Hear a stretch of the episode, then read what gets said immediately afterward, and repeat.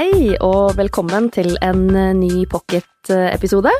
Den sendinga her kan vi anbefale ekstra varmt til alle bokelskende foreldre, onkler og tanter, besteforeldre, barn og unge, og alle som er opptatt av eh, barnebøker på et eller annet vis.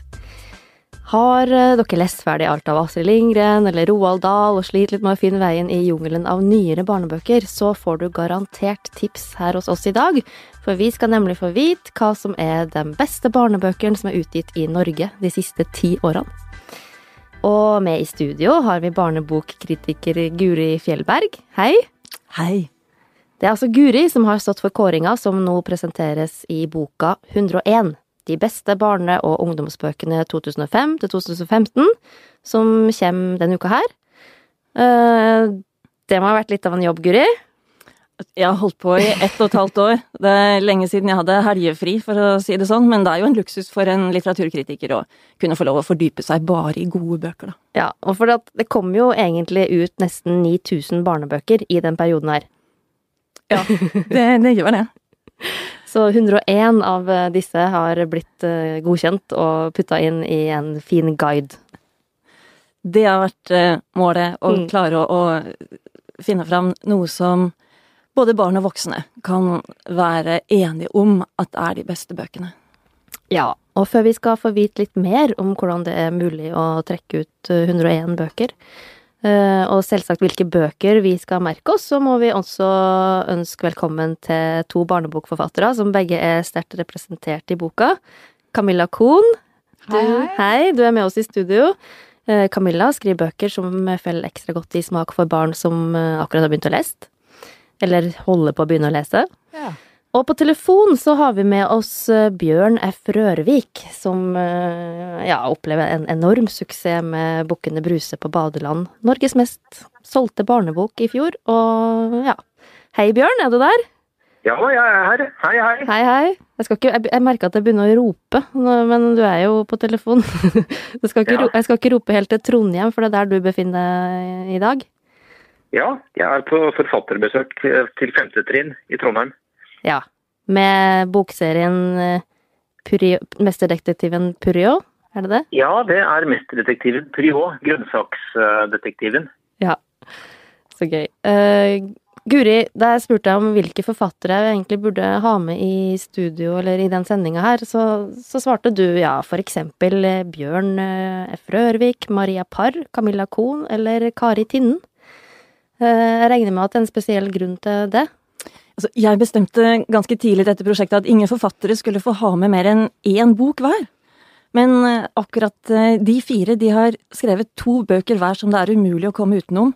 Altså to bøker hver som gjør noe som ingen andre bøker gjør. Hvilke bøker er det med på lista med? Nå er eh, Kari Tinnen eh, veldig opptatt av rettferdighet. Hun har skrevet eh, Ulla hit og dit sammen med illustratør Siri Dokken. Og så har hun gjort eh, Barbie-Nils og pistolproblemet sammen med Mari Kanstad Johnsen. Maria Parr hun er jo liksom superstjernen i Mm. norsk barnelitteratur, med både Tonje Glimmerdal og Vaffelhjarte. Den siste er vel nå ute i 26 land, tror jeg. Mm. Og Tonje Glimmerdal går jo på Det Norske Teatret akkurat nå. Det gjør han også. Mm. Og Bjørn, der har jeg jo med da Bukkene Bruse på badeland, som du har gjort med Gry Morsund. Og så har jeg med Reven og Grisungen, og det har vært eh, stor tvil da om hvilken av de bøkene i serien som er best. Og jeg har endt opp med Myggsprayen. Det er den som er mest utlånt i norske bibliotek i den serien. Mm. Og så er det deg, Camilla. Da har jeg med lesetreningsboka Ida og ulven, etter en intens eh, testperiode i uh, en norsk barneskole. Og så har jeg valgt bildeboka Samira og skjelettene. Oi. Mm. Ja, nå ble jeg Jeg visste jo ikke Nei, ikke sant? Det her var litt overraskelse. Det var litt spennende for meg. ja, og Guri hun kaller jo egentlig dere litt sånn rett og slett for de fire store barnebokforfatterne. Ja, så for dere lykkes bedre enn andre med noe som er veldig viktig for meg, og det er å tilfredsstille kvalitetskravene både til voksne og barn. For det er jo litt variasjon med hva voksne og barn eh, legger størst vekt på, og dere lykkes med å tilfredsstille begge parter. Mm. Camilla og Bjørn, hvordan er det å løftes fram på denne måten? Det er veldig, veldig fint. Det er det. Eh, Det er jo eh, nå en gang sånn at vi eh, barnebokforfattere ikke er de som fronter VG førstesiden altfor ofte. Og vi gjør vel kanskje ikke det nå heller, men det er jo selvfølgelig kjempefint å få litt klapp på skulderen og bli hentet frem, da. Mm. Eh, og få et uh, lite kvalitetsstempel, vil jeg jo si, når det kommer fra uh, kritikers hold. Mm. Så det er kjempestas. Eller hva, Bjørn? Jo, jeg syns det er veldig hyggelig. Og så er det framfor alt veldig morsomt at hun legger vekt på hva ungene liker òg, da. Mm. Det er noe som er bra, som ikke bare ja, som ikke bare liksom er for litteratureliten, men som passer for ungene. Jeg er jo Mm. veldig opptatt av det, at det skal være gjenkjennelig, og at det skal være ja, Man skal finne igjen seg sjøl i boka. Den skal handle om, handle om seg selv. Da. Skal Mm. skjønne hva det er. Uh, Guri, altså du, du må fortelle litt om dette med hvordan du har gått fram i arbeidet med å finne fram til 101 bøker. Uh, du har snakka om at du har et kriterie som er liksom enkelt og greit, egentlig. Ja, altså Da jeg kom fram til at jeg skal lete etter de bøkene som er mest verdt å elske. Altså Jeg Mm. unner alle barn og unge i Norge å finne en bok som de har lyst til å sove med under hodeputa. Hvordan kan jeg gjøre det? For da blir alle bøker like mye verdt, uansett hvilken sjanger de er. Og da blir altså, altså leserne mer likeverdige, uansett om du er en erfaren eller uerfaren leser. Det jeg begynte med, var å be om innspill fra først og fremst fra fagfolk i barnebokbransjen. Altså bibliotekarer, forfattere, forlagsredaktører. Jeg ba de om å sende meg topp fem-lister, Mm. og bortimot 200 personer har gjort det. Mm. Og vi voksne vi elsker jo bøker av, litt Altså når vi skal elske barne- og ungdomsbøker, så elsker vi det jo av litt komplekse grunner. Altså Noen bøker elsker vi fordi de treffer barnet i oss. Noen treffer vi fordi at vi er så begeistra for det vi ser de gjør med målgruppa. Og noen bøker de elsker vi fordi vi ser de er så dyktig gjort. Altså de, de, Mm. de appellerer litt sånn til de kunstnere, altså den anerkjennelsen av kunsten i det. Mm. Eh, jeg tenker fellesnevneren for de voksne sine lister er at det er bøker som har langtidseffekt. Altså at eh, vi som voksne vi ser etter om det er noe her å vokse på, noe vi kan ta med oss videre. Mm. Mens barn de krever da at bøkene skal ha et nivå som gir en intens leseopplevelse her og nå. Altså De har ikke noe imot langtidseffekter av en bok, for all del, men det viktigste er den intense her og nå-opplevelsen. Så når jeg da har tatt disse forslagene fra voksne, og så har jeg supplert med de forslagene som jeg har liksom mine egne preferanser, eh, de som er nominert til litterære priser, altså de mest anerkjente, kan du si, i voksenverdenen, Mm. så har jeg tatt med meg det ut og testa i skoler og barnehager. Mm. Og da har jeg da sittet, blitt sittende igjen med det. Det nærmeste vi kommer bøker som både har langtidseffekt og her og nå-opplevelse. Altså det nærmeste vi kan liksom komme en sånn sammensmeltning av de to. Mm. Og det har da endt opp med på denne 101-lista. Ja. Eh, og så syns jeg det var litt interessant, for at eh, du snakka om at da du selv var barn, så var det ikke alltid at det var de prisbelønte bøkene som egentlig falt noe særlig smak. Du likte ikke de så godt. Eh, hvordan er det her i dag? Det ble noen skuffende harde pakker, ja. altså, vi må bare innse at noen av de mest avanserte bøkene de passer gjerne best for bare altså, de mest modne leserne. Mm. Og for all del, altså de mest modne leserne de har sannelig fortjent noen gode bøker. Mm. Men jeg var altså ikke et sånt modent barn, da. Nei. Hva tenker dere om det, Camilla og, og Bjørn? Altså, er det sånn at de voksne som bedømmer og hedrer barnebøker, ikke alltid er på linje med det barna elsker? Eh, Ja, det tror jeg i aller høyeste grad. Mm. Det kjenner man jo kanskje til selv som forelder, det å prøve å prakke på barna sine høyverdig kultur. Jeg har jo selv opplevd å gå på sånn bokbyttedag, hvor jeg har på skolen, da, hvor alle har med seg bøker, og så får man en lapp for hver bok man leverer inn, og så kan man ta med seg da tilsvarende mengde bøker hjem. Og jeg var jo da så modig at jeg tok med mine egne bøker da, eh, og sendte med barna. Og så kommer de tilbake, og da har jeg liksom levert fra meg stor kunst, tenker jeg. Og så kommer det liksom bare Disney Hercules og eh, Karsten og Petra. Det ble jeg glad for, da, for det syns jeg er fine bøker. Men veldig altså kiosklitteratur for barn, da, tenker jeg. Så det er det de da valgte. Mm. Eh, og sånn er det bare. Altså, barn vil ikke nødvendigvis eh, eh, gå etter altså sånn i første eh, sånn intuitivt, da, gå etter den litteraturen som kanskje vi mener er bra for dem Mm. å lese. Og der er det jo Altså, de skal få lov til å velge selv også, men det er jo veldig viktig at vi også hjelper dem litt. Men da tror jeg det er viktig at ikke vi da eh, velger bøker som er fine for oss som voksne å lese. Og det tror jeg kanskje gjøres litt eh, mye i forbindelse med prisutdelinger og sånne ting. At det ofte er bøker som er mest interessante for voksne, som eh, eh vinner priser og blir, får en slags sånn anerkjennelse av å være høyverdig kunst. da. Mm. Jeg har strevd litt med det her, fordi at jeg, jeg ser jo altså jeg, Som kritiker så vil jeg gjerne verdsette de forfatterne og illustratørene som er med på å utvikle kunsten, mm. selv om de ikke kommuniserer så godt med målgruppa. Og så tenker jeg at de bidrar til at nye kunstnere kanskje kan finne en ny form som kommuniserer enda litt bedre. Mm.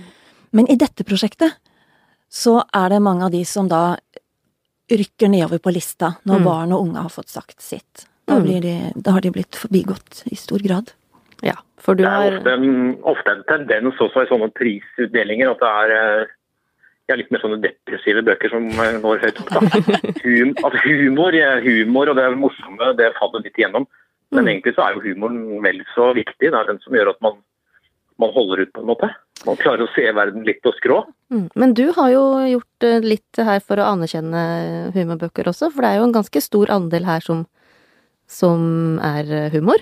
Ja, så når du ser på det i ungdomslitteraturen, som jo, som Bjørn sier at det er så mye alvorlig og trist, eh, der er det en tendens til at det blir brukt mer humor som virkemiddel. Mm. Og humor er jo et veldig sterkt virkemiddel, egentlig, og som nettopp som Bjørn sier, det kan gi en distanse til dette veldig alvorlige, som gjør at det er mulig å holde ut med det. Mm. Og eh, i mitt utvalg så er det vel hver fjerde ungdomsbok nå har humor som et viktig virkemiddel. Mm. Det er en absolutt ny tendens, som jeg ser. Ja, og altså, nå har vi fått høre litt om disse fire store. Eh, du kan jo ikke ramse opp 101 bøker her, men hvis jeg skulle spørre deg om å nevne noen flere bøker som det er fint å lese for barna, eh, hvem vil du trekke fram? Altså Hvis jeg skal anbefale en én høytlesningsbok, mm. Så har jeg lyst til å anbefale Hedvig og Max Olof av Frida Nilsson. Og det har jeg lyst til å gjøre fordi at det er en sånn bok som sikkert noen av disse modne åtte, ni, tiåringene kan klare å lese sjøl. Mm. Men hvis du leser den boka sammen med noen, mm. så blir det en helt annen opplevelse. Og det er fordi at Hedvig, som er en veldig sånn nyansert uh, hovedperson, hun er en sånn som du kan kjenne deg igjen i på godt og vondt. Mm. Og veldig mange lesere i barneskolen de er sånn at de har mest lyst til å kjenne seg igjen på godt. Altså ja. De ønsker seg hovedpersoner som er litt mer vellykka enn seg sjøl. Mens gjennom Hedvig så får du på en måte tilbud om å kjenne igjen dine mer ulykkelige og dårlige sider, og det blir veldig dramatisk eh, mm. når hun roter til livet sitt for seg. Og det er så deilig å oppleve sammen med en trygg voksen. Mm. Og det er også et argument for å lese høyt for barn, også etter at de blir i stand til å lese sjøl. Altså selv om den boka fungerer også fint for fem-seksåringer, så mm. tenker jeg det at det, eh, det, å lese for barn som går i fjerde, femte, sjette klasse, mm. at det har en egen verdi. Hvorfor, vi, hvorfor, er det så viktig å lese for barna sånn generelt? Det er et litt eh, stort spørsmål, men Camilla, hva tenker du om det? Eh, det er jo en måte å dele en opplevelse på. Mm. Eh, også åpne for at barn kan få historier eh, som de ikke klarer å lese selv. Eh, hvor selve lesingen er et hinder, da. Mm. Eh, jeg Nei, jeg vet ikke hva jeg skal si om det. Nei, Men hvor mye skal vi pushe barn som ikke er så glad i å lese, til å, til å gjøre det? Eller hvordan skal vi få dem til å lese? Bjørn, har du noen oppskrift?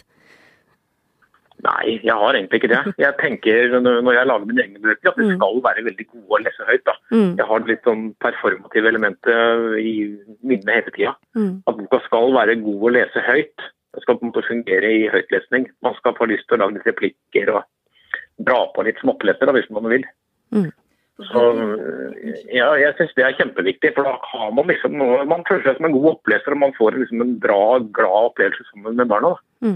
Og da kan man forsvinne inn i den fortellinga og være der. da, Glemme alt hverdagen og kjeften man fikk før på dagen. og Man blir på en måte sammen om noe mm. som er litt på sida av hverdagen. Mm. Det syns jeg er kjempefint. For bøker gir noe du ikke kan få andre steder tenker jeg, og det er det jo noen forskere som er enig med meg i, altså det der å dele andres tanker, det er ikke så lett i filmer og dataspill. Bøker er litt eh, spesielle der. Mm. Og det, det, der å få dele andres tanker og følelser, det er en viktig påminnelse om at vi ikke er alene. Uh, og så er det dette andre med det å leve seg inn i andre, mm. uh, som er med på å utvikle empatien vår, og kanskje ingenting utvikler empatien vår mer enn bøker. Og det er også viktig å, å huske på. Altså det, det, er en sånn nødvendig sosial kompetanse. Det, det er dette som vet, Saga Norén i Broen ikke er så god på. Mm. du har jo også, altså Det er jo 101 bøker i, i, i din bok. Eh, for oss eh, i VG har du lagd en topp ti-liste. Eh, som jeg kan lese nøye om i, i avisa. Men eh, på toppen her, av topp ti-lista, så ligger det jo tre oversatte bøker. Eh, kan du nevne hvilke disse er, og hvorfor det var de som havna på topp? Ja, det er knallhard konkurranse blant uh, norske ungdomsbokforfattere, det må jeg si. Sånn at der har de tapt for utlendinger. på topp har jeg én gang av Morris Gleitzmann. Den er liksom midt mellom barneroman og ungdomsroman. Det er den mest nyanserte framstillinga av jødeforfølgelsen under annen verdenskrig som jeg vet om. Den er altså så kløktig fortalt at den vissheten om grusomhetene, den blir til å holde ut også for unge lesere. Mm. Hvor ungt kan, eller hvor ung kan man være for, for den? Altså den går, Egentlig går den veldig langt ned i alder, men for de modne leserne. Og der er det mm. litt sånn eh, tips her. altså Hvis du ser an de her aldersanbefalingene, mm. så er de ofte tilpassa de mest modne leserne. Hvis du forholder deg til et mer normalt barn, så legger du på to år.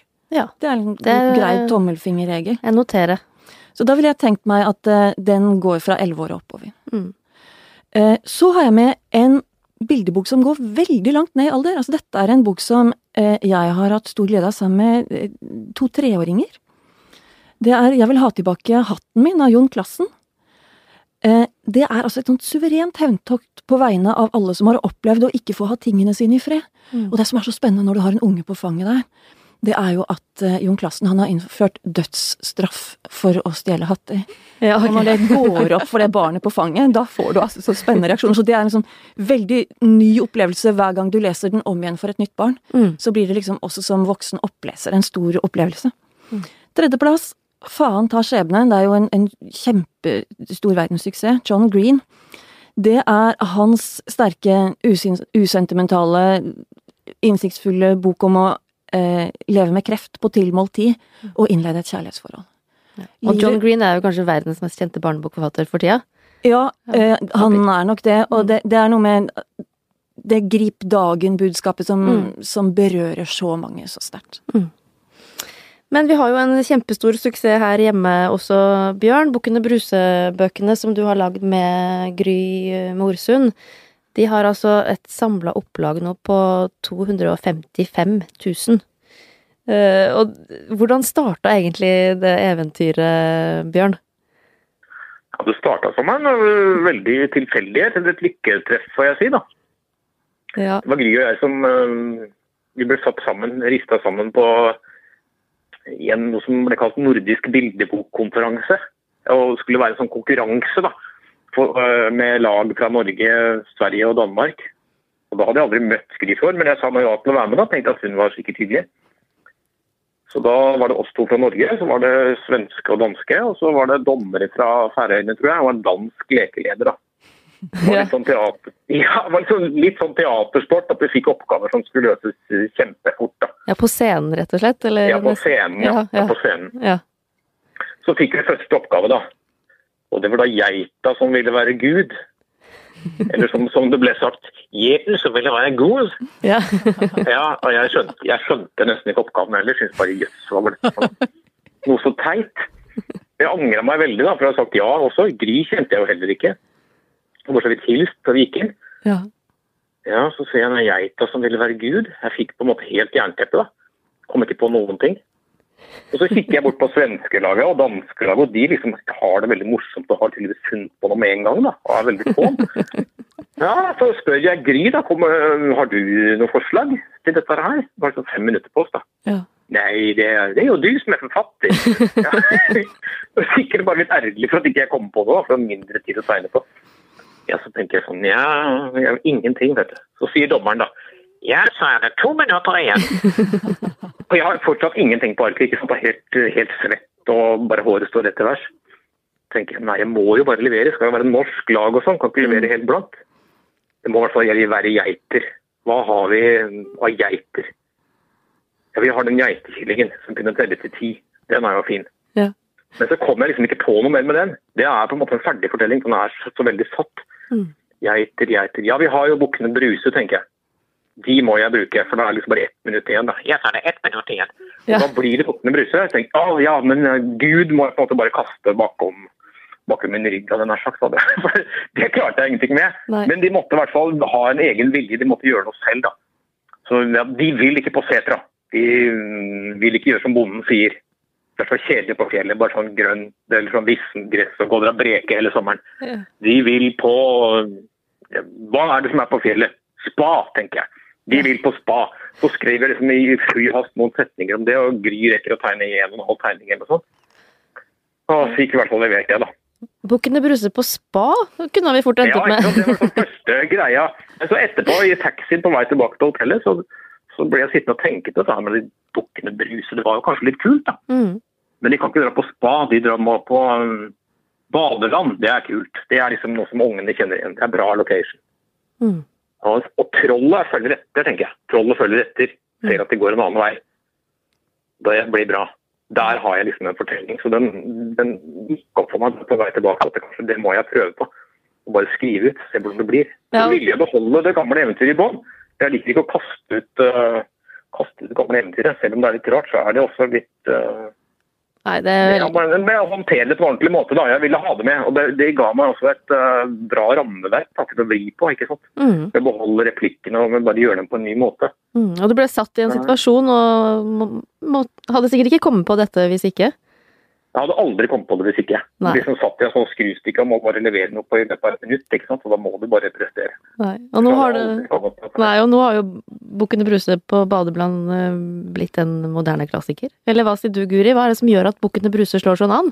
Altså, det fortelles om barnehagebarn som leker med replikker fra denne boka. Sånn 'Hasta la vista, baby' og Ja. 'Minst fersk'. ja. Klassisk replikk. Nei, men altså, det er en heltehistorie om å banke opp et stort troll, ikke sant? Litt sånn som Supermann. Og så er det lagt til dette gjenkjennelige miljøet som barn elsker, ikke sant? Badeland. Og så er det også den gjenkjenneligheten i tegningene. Det er smugla inn noen Disney-figurer. Det er eh, eh, De som kjenner igjen eventyret, får jo full uttelling. Både, både fryder seg over at de kjenner det igjen, og for at det får en ny vri. Mm. Og så er det tegningene gjort så nesten som en myldrebok. Altså, Den tåler utrolig mange repetisjoner, og du ser nye ting eh, mange, mange ganger. Mm. Herlig troll, er det ikke det, Bjørn? Jo, det er Jo, et herlig helt troll. fantastisk. Det var veldig flaks med at jeg kom akkurat sånn med Gry. da. Ellers Ja. hadde det aldri blitt sånn. Så det er jo noe Nei, også var det jo det her Tegningen er like viktig som, som teksten, hvis ikke viktigere, egentlig. mm. Som, man kan jo lese hele boka uten tekst, og samtidig få, få det med seg. Mm. Og mange voksne tror jo kanskje i starten at det er barn som har tegna, men mens du sa at ingen barn tror at det er barn som har tegna. Nei, ingen barn tror at det er barn som har tegna. De syns de tegningene bare er kjempefine. Ja. Med bikini topp og det. Samtidig så ser de hvordan det er gjort. ikke sant? Mm. Det er gjenkjennelig. Alt er Mm. gjort med tusj, og alt er gjort for hånd. Mm. Ingenting, er gjort, ingenting er gjort på data. Så alt uh, er på en måte i ett lag. Jeg kan ikke reagere på det. Det er liksom gjort det er gjort Mm. sånn, sånn som det ser ut. Men, du, men dette med at eh, boka blir, altså en barnebok da blir lest uh, mange, mange ganger, uh, i motsetning til kanskje en, en roman som leses én gang. uh, hva krever det av en forfatter? Ja, jeg, jeg prøver å lage det som, som en hverdags, som hverdagslitteratur. da. Den skal tåle mye bruk. Og da, ja, da må både tekst og tegning måte tåle å bli lest mange ganger. da. Det må, kan ikke være noen partier som ikke fungerer, på en måte, eller blir for slappe. Eller, det, må, det må være en, en slags rytme i det da, som gjør det Mm. ja, gjør, gjør at du tåler å lese det mange ganger. Selv om jeg har jo hørt folk som gjemmer boka, altså. Som, som har lest den mange ganger for dagen. Men eh, mens du, Camilla, er jo altså du, Det her med at du endte opp med å bli veldig god til å skrive de bøkene som, eh, som er for barn som begynner å lese, da. Ja. Hvordan endte det med det? Eh, nei, akkurat det at jeg begynte å skrive lettlesbøker, det er uh, fordi jeg ble spurt om å mm. gjøre det. Uh, og prøvde da meg på lettlestekst, og så fant jeg ut at jeg var skikkelig god på det. da. Mm. Det falt meg veldig lett, og jeg tror nok mye av grunnen til det er fordi det, det å måtte komprimere teksten ned og gjøre den minimal, åpner for at man kan lage en ganske artig dialog med illustrasjonene. Eh, og samtidig dette her med å måtte eh, fortelle med veldig få midler en historie som er interessant for barn som er seks-syv år gamle. Eh, så de er jo oppegående, de skjønner mange ting. De kan mye om verden og om det å være menneske, men de er bare litt dårlige til å lese. Mm. Så det å faktisk fenge et barn med en sånn veldig kort og enkel tekst, syns jeg var kjempespennende. Så, men jeg skriver jo andre, jeg skriver jo billedbøker også, så mm jeg ser jo det at av og til så er det gøy å skrive veldig korte tekster, og av og til så er det gøy å kunne på en måte fylle ut litt mer, da, sånn som jeg mm. gjør i billedbøkene mine. Men du er jo, det at du kan både tekst og bilde, det gjør jo noe med at du kontrollerer uttrykket ditt fullstendig, da. Og ja. det er jo noe med Altså, du blir jo liksom presentert som illustratør i en del sammenhenger, men altså, prøv å lage en tekst. Du får maks fem ord per setning. Mm. Jeg tror det er ni bokstaver i det lengste ordet. Ingenting. Er det sånne regler? Ida og ulven. Og det er ingen diftonger. Au, ei, øya forbudt. Det er ingen sj-lyder. Altså, er, når du har lagd de reglene for deg selv, og så skal mm. du skape noe innafor det, det, det det, du har fått til liksom, med de begrensningene, er jo altså, Det spruter jo av det. Mm. Ja, det er veldig, veldig hyggelig å høre. ja. Nei, jeg syns, eh, syns, det var veldig morsomt å skrive Ida ulven. Mm. Eh, og der har jeg jo også brukt eh, kjent eventyr eh, i, i, som referanse. Da. Det er jo mm. Rødhette som ligger i bunnen der. Mm. Eh, så nei, eventyrene er kjekt å ha for oss som eh, skal prøve å lage ny litteratur. Det er det. Ja, og vi skal jo som vanlig avslutte Pocket med boktips. Eh, har, altså de bokguru er jo rett og slett 101 gode boktips til hva du kan lese for barna, eller for barna til å lese selv, eh, og for ungdom. Eh, men hvis du skulle si Hva, hva tenker du er årets julegaveboktips? Du, da har jeg lyst til å framheve en bok av Sigbjørn Mostu. Mm. Fordi at det skjedde noe litt spesielt eh, i fjor, da han kom med 'I morgen er alt mørkt'. For det er ingen bok som har vunnet U-prisen så suverent som den gjorde. Mm. Altså Det er ungdommens egen kåring i Norge av den beste norske ungdomsboka. Mm. Den var helt suveren, og han har akkurat kommet med en oppfølger til den, Malens historie, som jeg akkurat har lest og anmeldt, og den holder mål. Mm. Så eh, dette er mitt tips. I morgen er alt mørkt. De to første bøkene i den serien. Ja, Aldersgruppa der, hva skal vi si om det? Da skal vi si fra 13 år og oppover. Eh, Bjørn, har du forberedt deg på et boktips? Ja, jeg har egentlig det. Så bra. Det er mye man kunne gått for der, altså. Men jeg, jeg anbefaler en bildebok, jeg, da. Ja, gjør det. Ja, det er en debutant, faktisk. Hun heter Alice uh, Lima de Faria. Mm Og Hun har lagd en bok som heter 'Det var ikke jeg', sa Robin Hund. Ja. Ikke Robin Hood, altså, men Robin Hund. Og den boka den falt jeg veldig for. Litt fordi at jeg meg, kjente meg veldig igjen i hovedpersonen, da, som er en liten hund. Som er kanskje litt for brå, litt for glad, og han, ja, han går av og til litt over streken. Da. Selvfølgelig er han også litt ekstra uheldig, da. Mm. Og da, han er liksom alltid omgitt av noen pyser og sånne som sladrer. og Mm. ikke tåler noen ting, da. og det kjente jeg meg veldig igjen i. Sånn fra barneskolen. Og samtidig hvordan de voksne griper inn i barnehagen da, og ikke kommer helt riktig inn i situasjonen og ikke har sett forhistorien, og han får kjeft og blir trukket inn på kontoret. Mm. Alt er liksom så urettferdig for han. Da. Men så har han heldigvis har han en storebror da, som forstår alt. Ja. Og som er så trygg og stor som en grantopp. Som på en måte er helten hans. da. Så vi skjønner at det er en fyr som kommer til å klare seg likevel, men han strever litt, da. Veldig gjenkjennelig. Og veldig, fine tegninger. Camilla, nå er det din tur. ja. Eh, jeg eh, har valgt en bok eh, av en som Bjørn har jobbet tett med tidligere, nemlig mm. Ragnar Aalbu. Som har skrevet selv og illustrert 'Krokodille i treet', som kom i år. En billedbok som jeg syns er helt fantastisk. Som handler om en liten krokodille som klatrer opp i et tre i affekt etter å ha sett en ulv i tåka. Eh, og krokodiller kan jo egentlig ikke klatre, så dette er en veldig ny opplevelse og litt skummelt. Og han har problemer med å komme seg ned igjen, da, eller hva skal han gjøre nå? Så det er en kjempesøt historie med veldig fine illustrasjoner. Eh, og denne boken er eh, noe så sjelden som en bok som både jeg og barna mine liker veldig godt, mm. uavhengig av hverandre. Og det, da ble jeg veldig glad da når de hadde trukket fram den her, kom og fortalte meg at de hadde funnet en så kul bok. Mm. Eh, og da var det den som jeg også hadde funnet ut at var veldig morsom selv, da. Så den vil jeg anbefale på det sterkeste. Mm. Tusen takk for fine boktips. Før i hvert fall jeg går hjem og leser for barna, så må vi takke kritiker og barnebokekspert Guri Fjellberg. Eh, og da to av våre fire store norske barnebokforfattere. Bjørn F. Rørvik og Camilla Kohn. Takk, takk. Det var en ja, veldig, takk, takk, veldig fin uh, tittel å ha på seg. Det er deilig å ta med seg godt, ja. videre. Ja. Og selvsagt eh, produsent Magne Antonsen. Og så får vi bare si ha det bra. Ha det. Ha det bra.